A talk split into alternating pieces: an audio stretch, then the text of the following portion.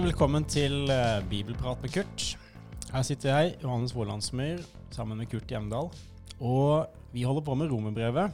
eh, Og som du kanskje la merke til i forrige episode hvis du har hørt den. Hvis ikke, så må du gå til stoppe denne nå, og så høre del 1. For det her er altså Romerne 8 del 2, vers 18 til 39. Um, eh, Kurt, forrige episode ble lang, det ble vel hele 28 minutter. Og vi eh, skjønte at det, det måtte bare bli sånn, for her er vi på en måte helt i, i, helt i kjernen av evangeliet her i, i kapittel 8. Og det tar for seg så mye som er så viktig for oss som kristne. Eh, fra vers 18 til 39, 39, altså i min bibel, så er overskriften 'Håp om herlighet'. Eh, og det handler jo mye om, eh, om lidelse, rett og slett. Om lidelse og kjærlighet. Om den spenningen vi lever i som kristne. At vi på den ene siden vandrer under korset, men samtidig er på vei mot oppstandelsen. ikke sant? Mm. Og det er kanskje ikke tilfeldig at han eh, tar opp dette når han skriver til menigheten i Roma. Så vidt jeg har skjønt, så, så var ikke menigheten i Roma og Her må du eh, gjerne fortelle det du vet, Kurt, om at de var ikke under sånn prekær, eh, umiddelbar forfølgelse, men de levde under en konstant frykt om at det kunne komme hvert øyeblikk. Altså Du kan si det sånn at alle kristne i Romerriket på midten av første kristne århundre de opplever trakassering for troens skyld. Det er helt klart det å komme og fortelle fortelle at en korsfestet jøde er verdens frelser. eh, Det fikk mange til å riste på hodet, og noen de gjorde naturligvis narr, og noen gjorde i neste omgang mer enn det. Så hvis du leser f.eks. første Peters brev, så ser du eh, en menighet som tydelig trakasseres for sin tros skyld. Og det må du regne med skjedde over hele Romerriket. Husk at eh, synagogen mange steder var meget fiendtlig til de kristne, ikke sant? for de oppfattet det som fiender. Og så må du huske at menigheten bestod i stor grad av slaver og kvinner. Og Det betyr at det var de lavest på den sosiale rangstigen som utgjorde flertallet. Og dermed så var de lett bytte for dem som hadde behov for å presse og gjøre narr. ikke sant? Mm. Og ikke så mange år etter så får jo uh, dette sitt utslag i Rom. Jeg tenker på Nero og hans, uh, at han legger skylden for Romas brann på de kristne. Uh, det er vel en seks-sju år etter romerbrevet er skrevet. Ja. Så, så, at det er grunn til å vente at her kan bli uro, ja. Mm, mm. Og vers 18 setter kanskje tonen egentlig for hele avsnittet her. Jeg mener at det vi må lide i den tiden som er nå er, ikke kan regnes for noe mot den herlighet som en gang skal åpenbares og bli vår. Ja. Eh, og det jeg lurer på, Kurt eh, Vi møter ordet herlighet her, som er litt sånn vanskelig å få tak på. Eh, noen eksempler. Alle har syndet og har ingen del i Guds herlighet. Vi så Hans herlighet, som den enebårne sønnen har fra sin far. Eh, også et annet sted så skrives det så, så vi også kan få del i herligheten sammen med Han. Guds barn åpenbares i herlighet, og herligheten som en dag skal åpenbares og bli vår. Hva, eh, det er vel På engelsk så er det vel 'glory', er det ikke det? Ja, glory, glory, halleluja. Ja. herlighet er et sentralt bibelsk begrep. På hebraisk så heter det rett og slett kabod, og det betyr egentlig tung. Eh, Det er Gud som eier herligheten. Gud har kabod. Han er omgitt av en lysglans som gjør at ingen kan komme ham nær, og ingen kan se ham. Han er den fullkomment herlige. Så herlighet står på en måte som det motsatte av synden, og som det motsatte av forgjengeligheten.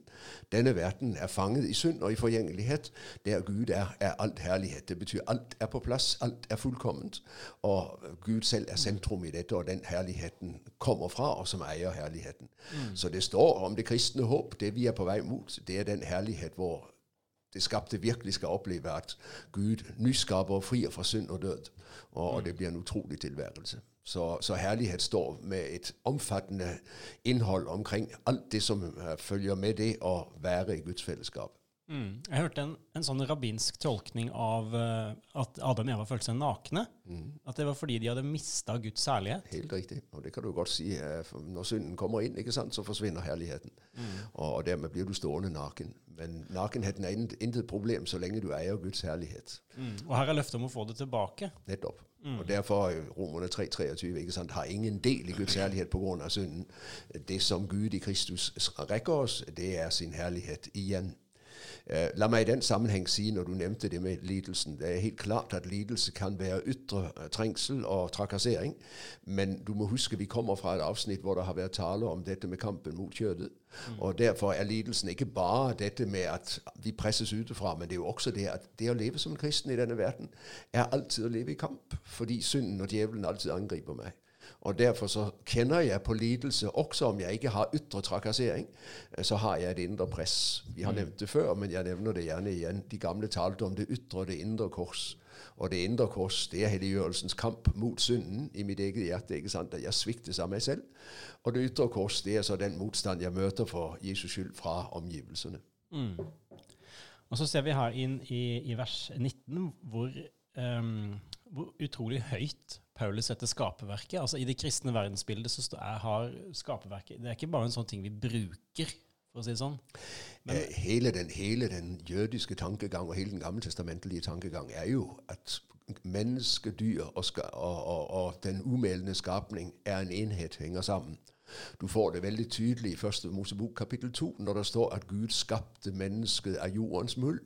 Eh, så står det på hebraisk han skapte Adam gjorde mennesket Adama, altså jordens muld. ikke sant? Så mm. mennesket Adam kommer fra Adama, og vi er mennesket nede fra av jord er du mm. kommet, til jord skal du bli. Mm. Av jorden skal du igjen oppstå, sier vi i enhver kristen begravelse. Men dermed har vi også understreket hvordan vi hører sammen med det skapte. Og det er jo det vi opplever i dag med klimaforandringene. ikke sant? Når klimaforandringene gjør verden vanskelig å leve i, så rammer det oss. Hvorfor kommer de? Fordi vi har stelt oss dårlig i forhold til skaperverket. Mm. Dyrene er en del av Guds skaperverk, så for Gud er både øh, den umeldende skapning, dyrene og mennesket mm. øh, der, Vi henger sammen. og Derfor ser du også i syndefallsberetningen i 1. Mosebok 3 at der hvor dette har vært sammen inntil synden kommer, så betyr synden splittelse i alle disse relasjoner. Mm. Mm. Og det er forgjengeligheten. Nå er vi alle sammen underlagt dødskreftene. Og Paulus sier her i Romerne 8 en dag skal vi være fri for forgjengeligheten. Da skal alt igjen mm. stemme sammen. Jeg syns det er så artig det her engelske ordet for mennesker, human being. Mm. Og human som er fra latinske humus, som mm. rett og slett betyr jord. Ja, ja. Så det, når, når engelskmenn de sier det så stilig, da, at vi er jordværende, eller værender. Ja, ja, human beings. Vi er menneskene nedefra, vet du. Ja. Og så sier altså Paulus her det skapte ble underlagt forgjengelighet, ikke frivillig, men fordi han ville det slik.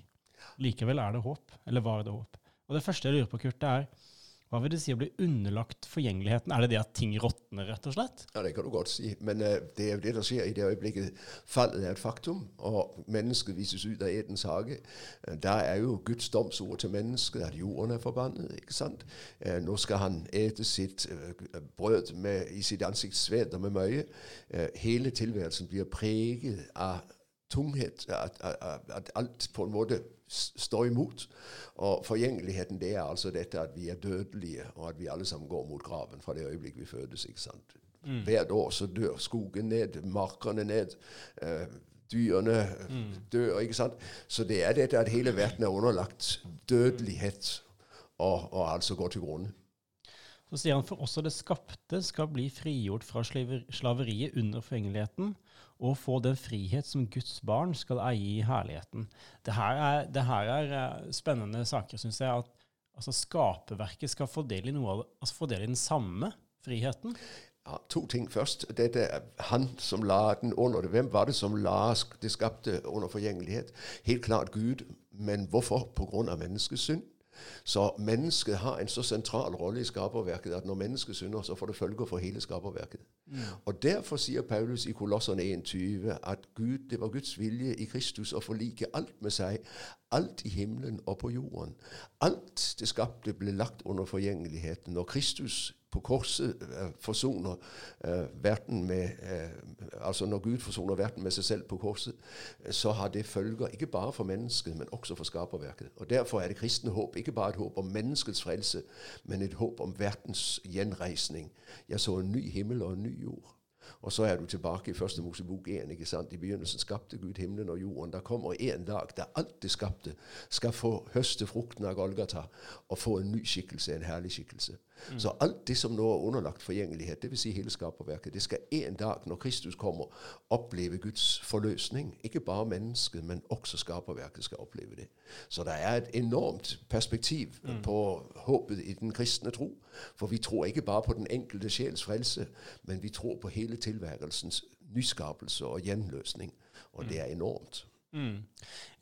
Um, jeg føler jo Det Paulus sier her, står jo egentlig veldig kontrast til sånn av og til hvordan vi kan høre evangeliet bli forkynt. At denne denne, det her det går til grunne, og nå gjelder det liksom å få sjelen sin videre til noe sånn svevende, himmelaktig skygreie der oppe. ikke sant? Ja, og, det er ikke bibelsk, det er gresk.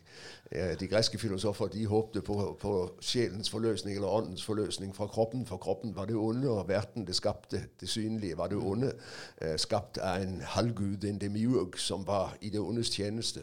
Mm. Og forløsningen det var at sjelen eller ånden steg opp fra det eh, skapte mm. og, og, mm. ble fri fra hele ble, ble ett med den evige ånd, ikke sant? med den evige lus. Det er, det er, ikke bibelsk. I Bibelen skaper Gud himmelen og jorden. Han skaper mennesket med kropp. Og når Gud frelser, så er det hele mennesket og hele verden han frelser.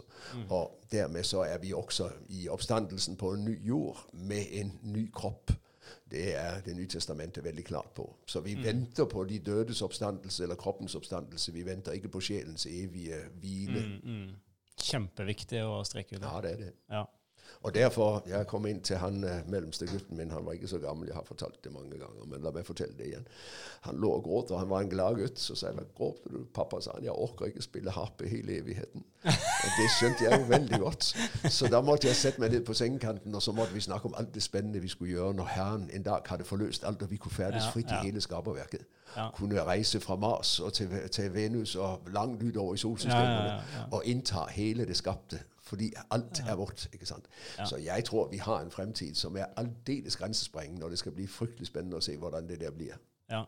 Jeg husker, Da må jeg fortelle at jeg var på et møte sjøl der jeg utfordra denne tanken. når jeg forkynte Om at uh, himmelen er liksom et sted sjelen skal til ja, ja. i all evighet. Og, og, der skal vi stå og synge kor og hele dagen og sånne ting. Det kan godt være vi skal synge kor, og jeg har ikke noe imot det, men jeg liksom problematiserte det at vi skal stå og synge kor hele tida. Og fortalte det at nei, jeg skal ha et lite møbelverksted, og så skal Kurt komme og drikke kaffe der, og så vil han kanskje ha en stol og sånne ting. Og så var det noen som kom opp til meg etterpå at jeg skal i hvert fall synge i kor. Det må du ikke ta fra meg. For dem som aldri har sunget, så må det være salig å få lov å synge i kor. Men jeg tenker nok at vi skal gjøre skillet mer enn det. ja.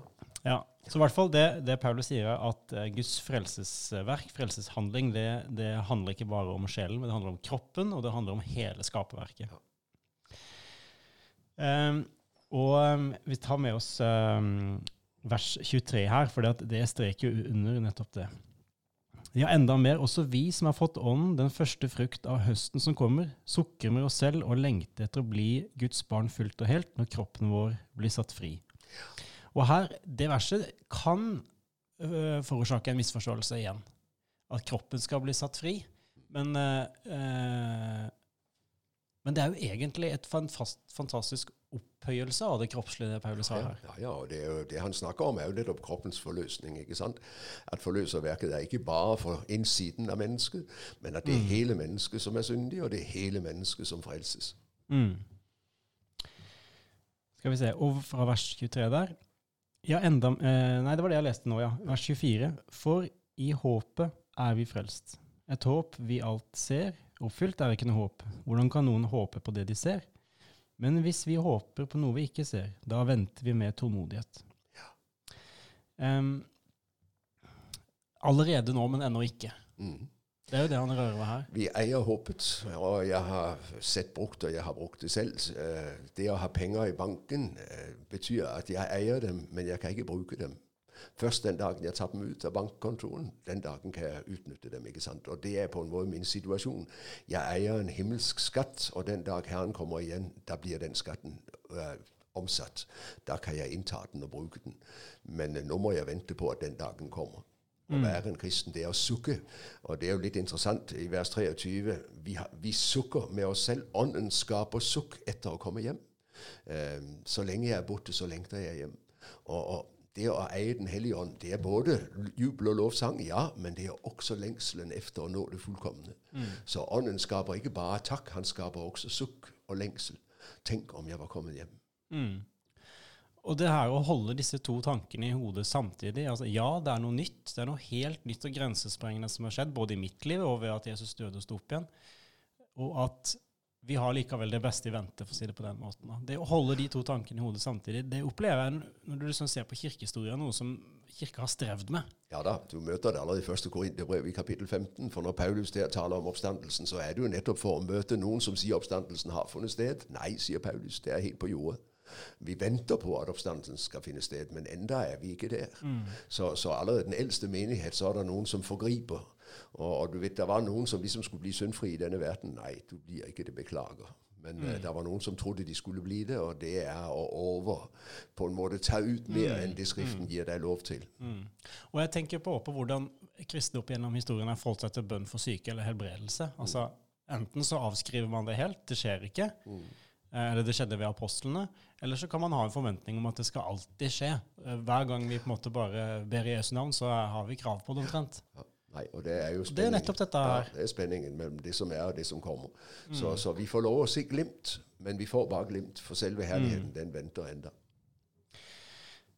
Kan du si noe om hva er det Paulus uh, mener når han sier at ånden går i forbund for oss? Vi møter deg i, i 26-27 her. Ja. Uh, hvordan kan det liksom, og, og, og, hvilke hva, liksom, Ja, det er en flott sannhet, på en måte, men hva har det å si for oss i, i, i hverdagen, i, i, det praktiske livet? La meg få lov å knytte til vers 26. På samme måte kommer også Ånden oss til hjelp i vår svakhet. Altså, vi selv sukker, men Ånden hjelper oss med å sukke i det Han sukker dypt i vårt hjerte. Og det er pinsens vidunderlige gave. Jeg har fått en talsmann ved Guds side. Det er Jesus. Han står ved Faderens høyre og, og, og, taler min sak. Men samtidig har jeg fått en talsmann i mitt hjerte, nemlig Den hellige ånd, som har tatt bolig i meg. Og han lever i konstant samtale med den himmelske Far. Uh, også når jeg står og er fortvilet, hva, hva, hva, bør jeg egentlig be om? Jeg tenker f.eks. på Paulus i Filipperne 1,23. Det hadde vært langt bedre å fare herfra med Kristus, men skal jeg velge det, eller skal jeg velge å bli til beste for dere? Uh, vi er ofte i situasjoner hvor vi ikke skjønner hva er egentlig best. Og da kommer dette ordet og sier til deg, vær trygg. Han som bor i deg, Den hellige ånd, Gud selv, han vet akkurat hva du trenger, for han ser deg i evighetsperspektivet. Og han ber til din himmelske Far på dine vegne om at du må få det som er best for deg i evighetens lys. Det er ikke mm. sikkert det er det jeg ønsker, men han ser hva som er best for meg.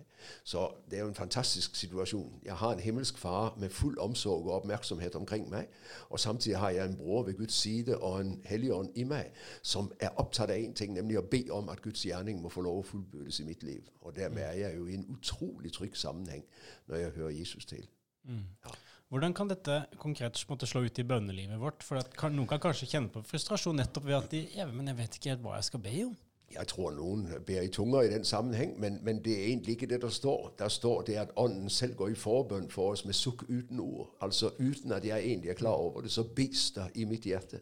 For mm. Ånden ber. Mm. Og Det er ikke sikkert jeg er klar over det engang, eller er mm. obs på det. Men, men, når jeg står der i fortvilelsen, så skal jeg være klar over at du er ikke alene. Det er en som mm. ber for deg og med deg. Ånden er i gang med å tale din sak for Faderen. Og i vers 27 der Og han som gransker hjertene, vet hva Ånden vil. For Ånden ber for de hellige etter Guds vilje. Altså, og han. Ja, og det far. Står, her så står det med, med, liten H. Ja, men det er far. Det er det, ja. Den himmelske far. Han som gransker hjertene. Mm. Han, eh, den himmelske far, han vet hva Ånden vil. For han og, far, og Sønnen og Ånden er ett. Det er én Gud. Mm. Ikke sant? Det er treenighetens mysterium. Mm. Og jeg er midt i det mysterium. Ikke for å granske det og forstå det, men for å ta trøsten av det. Fader, Sønn og Ånd er uavbrutt opptatt av én ting, nemlig å få meg frelst. Han mm. vet hva jeg trenger til i evighetens lys. Og det gjør at jeg vet, vers 28, at alle ting tjener dem til gode som elsker Gud. Altså Også når det skjer ting som jeg slett ikke forstår, og som jeg ikke ser, så skal jeg få lov å vite også dette kan Gud vende til velsignelse. Mm. Det er frukten av Åndens forbønn. Eh, da vet jeg Gud handler med meg til mitt beste. Mm. Golgata ser ut som totalt katastrofe og nederlag, men mm. det er den fullkomne frelse som vinnes. Mange ganger vil det i mitt liv se ut som om alt er rotet til, og som om alt er håpløst. Men midt i dette så er Gud og arbeider, og han er mektig til mm. også å vende det som nå gjør vondt, det som gjør at jeg fortviler, tapet jeg opplevde, ulykken jeg opplevde, sykdommen jeg lever med. Han er mektig til å snu det til noe positivt, mm. slik at der ut av det vokser noe som blir til mitt evige vel. Mm. Et oppfølgingsspørsmål er at når vi når vi opplever uh, smerte og lidelse inn i livet, så kan kanskje noen uh, eller, En kan kanskje da tenke Er det Gud som forårsaker dette for å måtte gjøre sin godvilje eller liksom ja. i meg? Eller er det det at det her kommer, og så kan Gud bruke det og finne en vei i det. Ja, jeg tror du skal ta det som det siste. Vi skal ikke gi Gud skylden for alt som skjer. Mye er meningsløst, og mye er den onde som er ute for å ødelegge. Og mye er oss sjøl og vår egen dumhet, ikke sant, synden. Men, mm. men, midt i dette så skal vi få lov som kristne å eie den trygge visshet at når jeg er i Guds hånd, mm. så kan til og med mine egne dumheter og min egen synd bli til velsignelse for meg. Gud er mektig til å snu det til noe godt. Mm. Så, så, så, stor er Gud at han står aldri fast. Heller ikke når jeg har kjørt det aldeles håpløst til for meg selv, mm. så er han mektig til å få noe godt ut av det. Og jeg tenker jo på en del av de mennesker jeg har møtt, som hadde kjørt seg selv helt ned i full og elendighet. Så møtte Jesus dem og satte dem på sporet. Og, og så måtte de jo si at enda så ille det var, så ble det som jeg ødela meg selv med, det ble til velsignelse for meg på den måten at Gud møtte meg nettopp der og frelste meg. Mm. Så det som så ut som den totale katastrofe, ble plutselig til noe velsignet, ikke sant? fordi Gud mm. var så stor som han var. Jeg, jeg personlig syns nettopp det du sier om at altså, Gud er aldri rådvill. Han, han, han, blir liksom aldri tatt på senga og bare tenker 'nei, hva i all verden skal jeg gjøre nå'? Og det syns jeg er fantastisk uh, mye trøst i den tanken. At når jeg har rota det til, eller hvis en står i situasjoner som er utrolig vanskelig, så, så tilhører en Gud som aldri er rådvill. Jeg er i Herrens hender i alt som med meg skjer. Mm. I smil og gråt jeg kjenner at Herren er meg nær. Han er mektig til å vende til noe godt. Mm. Vers uh, eh, 29 og 30. Dem som han på forhånd har vedkjent seg, har han også på forhånd bestemt til å bli formet etter sin sønns bilde. Så han skal være den førstefødte blant mange søsken. Og den som han på forhånd har bestemt til dette, har han også kalt. Den som han har kalt, har han også kjent rettferdig. Og den som han har kjent rettferdig, har han også herliggjort. Nei, jo, jo. herliggjort. Eh, vi kommer til å komme tilbake til dette her med, med predestinasjon eller dobbel predestinasjon og sånne ting, men vi kan jo bare touche det litt her og eh, ja, du, du, snakker om forutbestemmelse, ikke sant? Ja, ja. ja predestinasjon er så vanskelig ord, men altså forutbestemmelsen. Al altså det at Gud allerede før egentlig verden var til, har allerede bestemt hvem som skal gå til evig liv, og hvem som skal gå til evig død. Mm. Og Det skal vi snakke mye om i kapittel 9, men la oss allerede her understreke dette er en trøst det er ikke et spørsmål til, til å skape anfektelser og tvil. Er jeg forutbestemt? Der hvor et menneske tar sin tilflukt til Jesus, har det del i forutbestemmelsen. For forutbestemmelsen er knyttet til Kristus. Og mm. det forunderlige er alle dem som tok imot ham, ga han rett til å bli Guds barn. Den som kommer til meg, vil jeg aldri støtte bort. Så du som tar din tilflukt til Kristus, skal få lov å vite du er med i Guds evige planer. Mm. Og han som begynte sin gode gjerning i deg, han er mektig til å fullføre den frem til sin dag. Det er det Paulus sier her. Mm. Vær frimodig, for Gud har kalt deg, han har frelst deg, og han er mektig til å føre deg til mm. herlighet. Så de som er utvalgt, det er egentlig de som er i Kristus? Det er Kristus, ja. ja.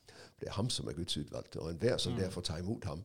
Eh, jeg har nok også nevnt det før, men eh, jeg kom til Bibelskolen i Oslo i 63 og skulle holde andakt og fikk oppgitt ordet fra Johannes 6, 37, um, hvor det står alle dem som Faderen gir meg, kommer til meg, og den som kommer til meg, vil jeg aldri støte ut.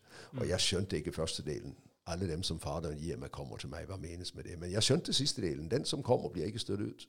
Og jeg har forstått i etterkant, det er jo derfra du henter lyset over det første. Når du kommer, så er det fordi han har vært der først. Mm. Han har kalt deg. Men, men, det ser ikke jeg før etterpå. Men, men, for den som har tatt sin tilflukt til Kristus, så skal det være den rike trøst. Dette var ikke noe jeg fant på. Mm. Det var noe han fant på. Han har vært der. Mm. Ja, Men hva så med dem som sa nei? Han var det også. Men når mennesker ikke vil, så kan Gud ikke tvinge. Mm. Det går an å stille seg utenfor forutbestemmelsen. Dessverre. Og Det er jo noen som sier det, og kanskje det er et mønster at det er gjerne eldre mennesker som sier det, at det var han som fant meg. Ja, men det er jo det. Og det er jo klart, eh, Når jeg har levd et langt liv med Gud, så skjønner jeg jo det var ikke mitt valg som var viktig, men det er forunderlig at han, falt, at han valgte meg og stanset ved meg. Mm, mm. Det står en gammel lesersang 'Å, jeg undres hvorfor Jesus stanset meg og tok meg opp', og det har jeg alltid undret meg over. Mm. Og så fra vers 31 her, hva skal vi si til dette? Er Gud for oss, hvem er da mot oss? Han som ikke sparte sin egen sønn, men ga ham for oss alle, kan han gjøre noe annet enn å gi oss alt sammen med ham? Hvem kan anklage dem Gud er utvalgt? Gud er den som frikjenner. Hvem kan da fordømme? Kristus Jesus er den som døde. Ja, mer enn det. Han sto opp og sitter ved Guds høyre hånd, og han ber for oss. Hvem kan skille oss fra Kristi kjærlighet? Ja, vi stopper der, forresten. Ja. Eh, det første jeg lurer på, er det noe spesielt i, i, den historiske konteksten som vi må vite for å liksom Hvorfor tar han det opp her? Altså, jeg kan stille spørsmålet hvem, hvem er det Paulus tenker på eh, når han bruker det der er imot, anklager, fordømmer? Nei, Jeg tror rett og slett du skal se det som en Nå, nå er vi fremme ved avslutningen av hele den utredningen som begynte i 118. Og nå trekker han på en måte konklusjonen. Det som han nå har vist, er det samme som i Romerne 8.1. Der hvor Kristus er, der er det ingen fordømmelse. Der kan Satan rope og skrike, der kan samvittigheten rope og skrike, der kan andre mennesker anklage og mm. fordømme. Mm. Men alt faller i forhold til ham som har gitt seg selv for meg. Og derfor, selv om anklagene og fordømmelsen og, og um, motstanden er der, så har de ikke lenger tak for Kristus stilt, har stilt seg imellom, og dermed faller alt ned på ham. Så, så, det Paulus vil ha sagt, det er så stor er Jesus at når du har ham, så er det ingen eller intet som verken kan fordømme eller anklage eller på noen annen måte ta fra deg Jesus. Han er så stor at han er alt det du trenger. Mm. Gjem deg hos ham. Så, så, det er rett og slett en slags amen til alt det han har skrevet så langt. Mm. Jesus mm. er nok. I ham er du fri.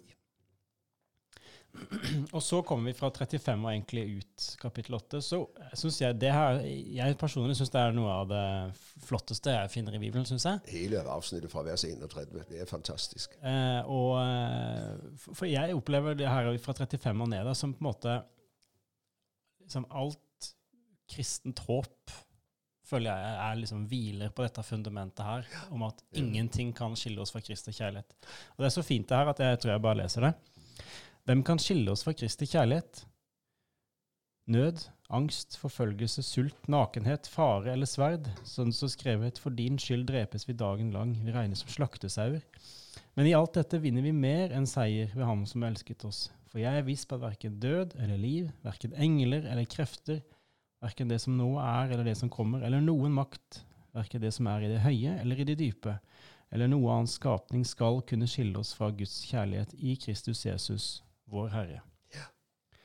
Altså Guds endeløse kjærlighet, hans makt, hans trofasthet, kan bære den kristne gjennom alt som skulle møte han til og med døden. Og derfor er jo eh, så, vidt, så visst ikke jeg lover noen enkel reise i alt dette, under alt dette, mm. vinner vi mer enn seier. Seieren er ikke at jeg reiser over alle vanskeligheter, men midt i alle vanskeligheter er jeg i Kristus. Mm. Og det er min triumf, for han er trofast. Mm. Og Det er ikke noe bedre måte å avslutte episoden på, men nettopp det du sa der, Kurt. Og eh, som vi sa, vi kommer til kapittel 9 neste gang, og nå er på en måte den ene delen av romerbrevet ferdig. Ja, ikke riktig. Ikke, ikke riktig? Nei, vi skal si det. Ok, ja, da, da, blir det sånn liten sånn teaser til dere ja, lyttere. Hvorfor tar Johannes feil, hvorfor har Kurt riktig? Riktig. Ok, vi gleder oss til det.